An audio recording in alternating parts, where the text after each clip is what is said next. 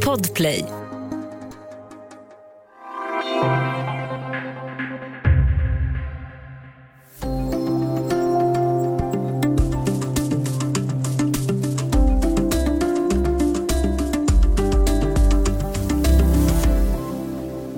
Läser allt sämre. Så har man sagt under lång tid och så säger man också idag. Undersökningar och anekdotiska berättelser från lärare, föräldrar och forskare talar om att få barn och unga på djupet verkligen förstår och kan analysera en längre text. Men är det hela sanningen? Och vad är det egentligen som formar ungas läsning? Och är allt skärmarnas fel? Välkommen till Studio DN. Jag heter Sanna Thorén Björling.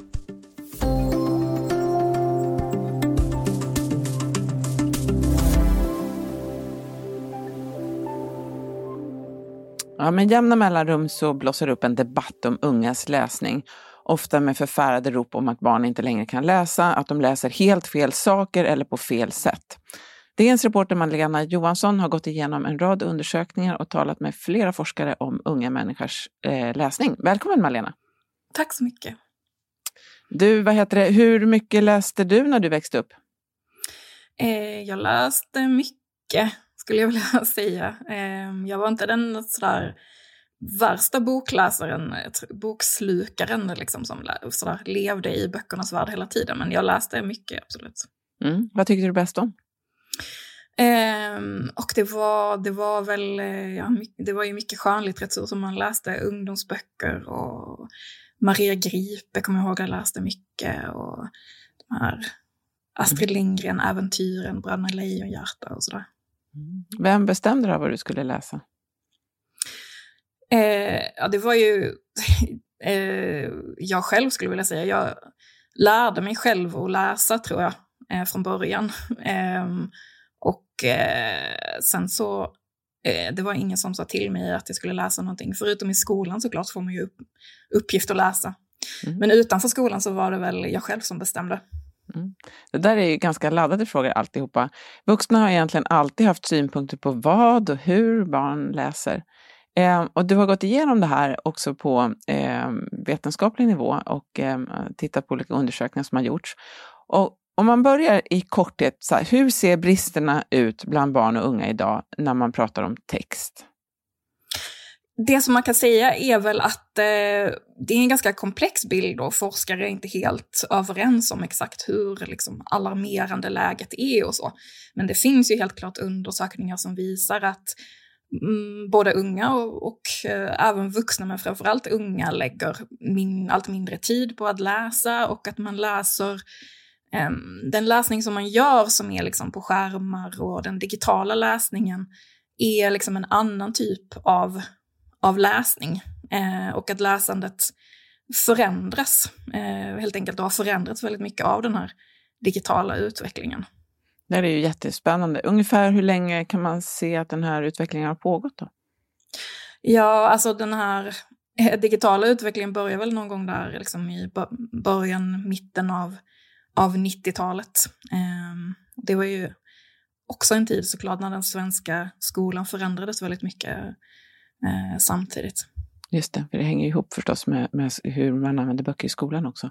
Unga läser alltså allt mindre, även om boken har stått sig relativt bra i jämförelse med en del andra, eh, en, andra, andra teknik eh, och andra sätt att läsa. En sak som är spännande i den texten där du går igenom det här, eh, det är att det är viktigt att skilja mellan sakprosa, alltså fackböcker, och skönlitteratur eh, när man pratar om läsning. Varför det? Ja, alltså det kan man väl säga att det, man både skilja på det och inte skilja på det kan man väl säga. Det är klart att det är ju, läsning ju på många sätt är, är samma sak, liksom, oavsett om man läser faktalitteratur eller skönlitteratur. Men det finns ju också olika syften med att läsa, om man läser för att lära sig någonting eller eh, för att kunna eh, ta till sig information.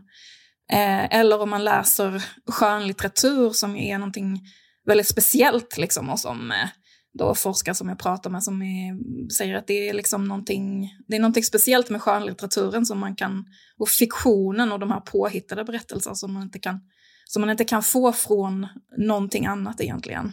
Mm. Men det handlar också om vad man mäter och när man diskuterar olika brister för att så att man inte blandar ihop äpplen och päron ibland, eller hur? Ja, men jag har pratat med en, eh, som sagt, eh, eh forskare i didaktik, då, Olle Nordberg, som, eh, som menar att man, eh, man diskuterar ju skönlitteratur hela tiden på kultursidan och sådär. Och så utgår man ju väldigt mycket från PISA-undersökningen då som som ju, där ju skönlitteratur ingår också, men som ju är väldigt liksom, inriktad på just det här liksom, att man ska vara den läsning som man behöver för att vara en välfungerande medborgare liksom, och klara sig i arbetslivet och så vidare. Um, och att man, ja, att man blandar ihop äpplen och, och päron lite och att, man, att skönlitt man pratar om skönlitteratur men man pratar kanske inte på, på ett djupare plan, liksom, att vad, vad ska vi ha skönlitteraturen till? Liksom. Mm. mm. Eh, de som oroar sig för barns läsning eh, tänker ju också dels då det som du är inne på nu, att skönlitteraturens betydelse egentligen för, för en som människa. Eh, och den andra, men också en, en läsningens betydelse för en som medborgare eh, också. Och idéhistorikern Sven-Erik Lidman är ju en av dem som eh, ofta skrivit om det här. Han skrev nyligen på DN Kultur en artikel där han tog upp en del av det här. Eh, en av de forskarna som du pratar med är också inne lite på samma eh, bana. Vad är det man menar när man tar upp eh, den typen av argument? Um, ja, jag pratade ju med en uh, hjärnforskare då kan man säga, Marianne Wolf som är amerikansk hjärnforskare som ju är inne mycket på det här att det är liksom två olika sätt att läsa djupläsningen då som innebär att liksom kunna ta till sig längre texter på djupet. Och eh, den här liksom skumläsningen där man letar efter exakt den bit av information som man behöver, som de här digitala medierna främjar väldigt mycket. Och att det blir en väldigt ytlig läsning och man behöver den här djupläsningen är liksom väldigt grundläggande för eh, vår, eh, hela vår utvecklingen av eh, vår, hela vårt samhälle och kultur. Liksom, att kunna ta till sig just de här eh, längre berättelserna och kunna förstå eh, liksom, texters, eh, förstå, kunna förstå eh, ord och i dess, dess, alla dess betydelser och inte bara den, den ytliga betydelsen. Just det. Eh, jättespännande Malena. Eh, vi ska alldeles strax prata mer om debatten om läsning.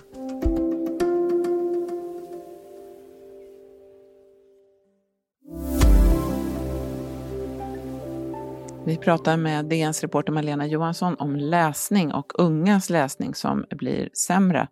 Ehm, det är ju väldigt mycket, ehm, det kommer ju det kommer liksom i vågor de här debatterna om läsning, eh, ofta i samband med någon undersökning som har kommit. Det är också, man märker också det att det finns väldigt mycket starka känslor kring det.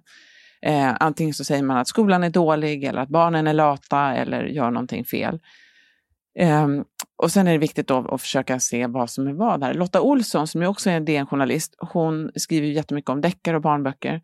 Och hon har ju skrivit bland annat att barn, de gör ju faktiskt inte som vi säger utan vad vi gör. Och att det är lite grann i vårt fel som föräldrar och äh, människor som bara finns runt omkring barn, om barn inte läser. Eftersom vi själva nedprioriterar eh, både böcker men också barnböcker. Eh, var, var det här någonting som forskarna som du pratade eh, med tog upp? Um, ja, alltså rent generellt så kan man säga att det är klart att barn och vuxna bor ju i de lever ju i samma värld så att säga och de påverkas ju av samma, samma eh, utveckling och den här liksom, digitala utvecklingen som man ser påverkar ju både, både barn och vuxna såklart. Eh, och liksom det här med djupläsning och det mer ytliga läsandet, det gäller ju även vuxna så att säga. Och att man ägnar allt mindre tid åt att läsa och allt mer tid åt andra saker. Det gäller ju även vuxna. Sen så är det ju tydligt, äh, finns det undersökningar som visar att det betyder ju mycket äh, vilka resurser som finns hemma för barns eh, läsning. Och då är det inte nödvändigtvis liksom, ekonomiska resurser, utan att det finns böcker hemma betyder ju, är ju liksom större chans att barn ska upptäcka eh, läsning och eh, syssla med läsning om det, finns, om det finns böcker hemma. Det är ju något som jag tror att alla, de flesta kan, kan känna igen sig att man har svårt också att lägga ifrån sig telefonen till exempel. Och så, säger man till sina barn att ja, men jag läser i alla fall någonting långt, jag läser i alla fall en artikel här, du sitter ju bara och tittar på din knäppa lilla film Mm. eller någonting. Att man, eh, men fortfarande sitter man med sin telefon och inte kanske med en bok. Och, ehm, eh, Mm. Det är svårt att ta till sig längre saker. Det kan man ju se även när man tittar på film, tänker jag. Att det eh, blir väldigt snabba. Blir väldigt, om man ser en äldre film så uppfattas den som extremt långsam. Mm. Eh, och att det där smittar av sig även på hur man tar till sig eh, texter. Förr handlade det om, eh, mycket också om att barn läste helt fel saker, att vuxna hade synpunkter på vad de läste. Kan du ge något exempel på det? Eh, ja, alltså det har ju liksom återkommit, återkommande eh, va- varit sådär i början av 1900-talet så klagade man till exempel på, det fanns så här billiga eh, deckare som man kunde läsa, det fanns eh, eh, flickböcker klagade man på, det var så här serieproducerade flickböcker som man tyckte var liksom eh, alldeles för dålig litteratur som, som de unga flickorna liksom fyllde sina, sina hjärnor med. Mm. Ehm, och att det var för dålig kvalitet på litteraturen helt enkelt, de här serieproducerade. eh, Min mamma är bibliotekarie, hon hade synpunkter på vad man läste, kan jag säga. Ja. Vilken, vilken typ av böcker man fick läsa och inte Mm. läsa. Det är lite intressant. Ja. En annan eh, intressant sak är ju eh, förmågan att ta till sig text som finns på en skärm och text som finns på papper. Det där tycker jag man känner ju, känns ju som en väldigt eh, stor generationsskillnad också. Vi som är, jag vet inte, över 30 eller över 40 eller någonting trivs bäst att läsa saker på pappret. Man ser saker på ett helt annat sätt. Vad vet man om det där? Mm, det har ju studerats eh, det där och eh, man har ju faktiskt kommit fram till att, eh, att det är bättre att läsa text på papper. Och det handlar ju framförallt inte så mycket om skönlitteratur som just att läsa faktatext och ta till sig fakta. Att det faktiskt, eh, Eh, att man gör det bättre på, på papper helt enkelt. Och eh, det är ju sådär, för oss som är vuxna då och har liksom vuxit upp med att läsa på papper så har vi liksom lärt oss den här eh, djupläsningen på papper då. Eh, och då skulle man kunna tänka sig att barn som, läser upp, som växer upp från början i den digitala världen, att de skulle liksom vara bättre på att läsa digitalt. Men så visade det sig att det inte är då, utan eh, även för dem så, eh, så funkar det bättre att man lär sig mer när man läser på papper. Vad spännande. Jag kommer ihåg någon undersökning som visade att barn var, faktiskt inte var lika störda av skärmen som, som vi är. Men det är jättespännande att det faktiskt är, är skillnad även för dem. Man undrar vad det där beror på, alltså rent ja, vad det är med hjärnan då som inte gillar skärmen. Ja, det, det har man väl inte kommit fram till helt enkelt vad det, vad det Mm. beror på. Ja. Ja, ja. Digitaliseringen och det här som du säger, hur man läser och att man läser korta sekvenser och så, det har ju också förändrat de fysiska läroböckerna som har blivit mer och mer plockiga. Eh, ibland så kan man ju se en lärobok och så kan man tänka att det är någon där som har fått eh, lärt sig ett layoutprogram och så, eller jobbat på ett eh, eh, så magasin där man ska ha så kallade plocksidor där allting är i olika bubblor och så. Och det är Mm. mindre sammanhängande, sammanhängande text. Vad, vad händer när de här berättelserna eller längre sammanhangen, vad händer när de försvinner? Mm. Alltså det finns väl eh, ett tecken på att det, att det blir svårare att läsa på det sättet. Man behöver liksom tolka eh, tabeller och faktarutor och sådär. Att det faktiskt är, är, är svårare att lära sig på det sättet än att, lä, än att läsa en berättelse så att säga. Att, det, är- att man kanske har liksom börjat in, inse det igen så att säga. Att berättelsen har, sin, har, sitt, har sitt värde om man ska lära sig saker. Då behöver man ju också lite mer tid, tänker jag. Som, som journalister är vi ju vana vid att tänka på att man ska ge läsaren, en läsare som läser en papperstidning, eh, och på digitalt också, många olika ingångar. Om man inte orkar med den stora texten, då ska det finnas någon faktaruta eller någon bildtext eller någonting annat som kan göra att man blir intresserad av det. Men, men man vill ju fortfarande att en läsare ska läsa den riktiga texten. Ja, och i den riktiga texten och i liksom det sammanhanget så finns ju också, så får man ju hela sammanhanget och så får man ju faktarutan också i sitt sammanhang. Och liksom den längre texten hjälper ju till att, få, att sätta faktarutan i sitt sammanhang så att säga. Så att för att förstå allting så behöver man ju liksom läsa hela texten också. Ja. Ehm, det, har, det här har ju också påverkat förmågan att skriva. Det här kanske inte är något som du direkt har, eh, har studerat, men eh, jag intervjuade nyligen eh, filosofen Åsa Wikfors och hon har under lång tid en, en av de som har varnat för och sett hos sina egna studenter på universitetet då, att de inte kan skriva. Eh, har, har, har forskarna du pratar med, har de pratat något om det här att eh, förmågan att skriva också eh, blir sämre när förmågan att läsa eh, försämras? Jag, jag har ju riktat in mig mest på, på läsning då, just den här artikeln. Eh, men det är klart att det är rimligt att tänka sig att det hänger ihop väldigt mycket såklart med att skriva. Och det är väl någonting som ja, många vittnar om, att man ser att eh, eh att folk skriver sämre och då kommer liksom då är det de som kommer med motargumentet att ja, men det är för att vi skriver mycket mer och vi använder oss mycket mer av text idag och därför så ser vi liksom bristerna mer. Och så vitt jag förstår så är väl det som forskarna säger om det att det vet vi inte helt enkelt. Man har liksom inte studerat huruvida det är så att vi skriver mer eller mindre eh, nu jämfört med mm. x antal år sedan. Så, så det är väl en intressant, ett intressant område för forskningen att att titta på hur det ligger till med det egentligen. Verkligen. Det kan ju vara samma sak där, att vi kanske skriver mycket men vi kanske skriver på ett helt annat sätt. Och det är kanske inte samma sak att skriva korta saker som att skriva längre saker och så vidare. Ja. Nej, precis. Eh, bara avslutningsvis då, vad, vad, läser du just nu? Har du någon, läser du någon bok?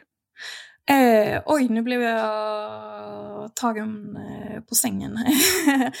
jag läser en bok om eh, eh, fotbollstränaren Nils Lidholm faktiskt. Vad spännande. ja. Tusen tack för att du var med idag Malena. tack så mycket. Studio DN görs för Podplay av producent Sabina Marmelakai, exekutiv producent Augustin Erba, ljudtekniker Patrik Meisenberger och teknik Oliver Bergman, Bauer Media. Jag heter Sanna Thorén Björling.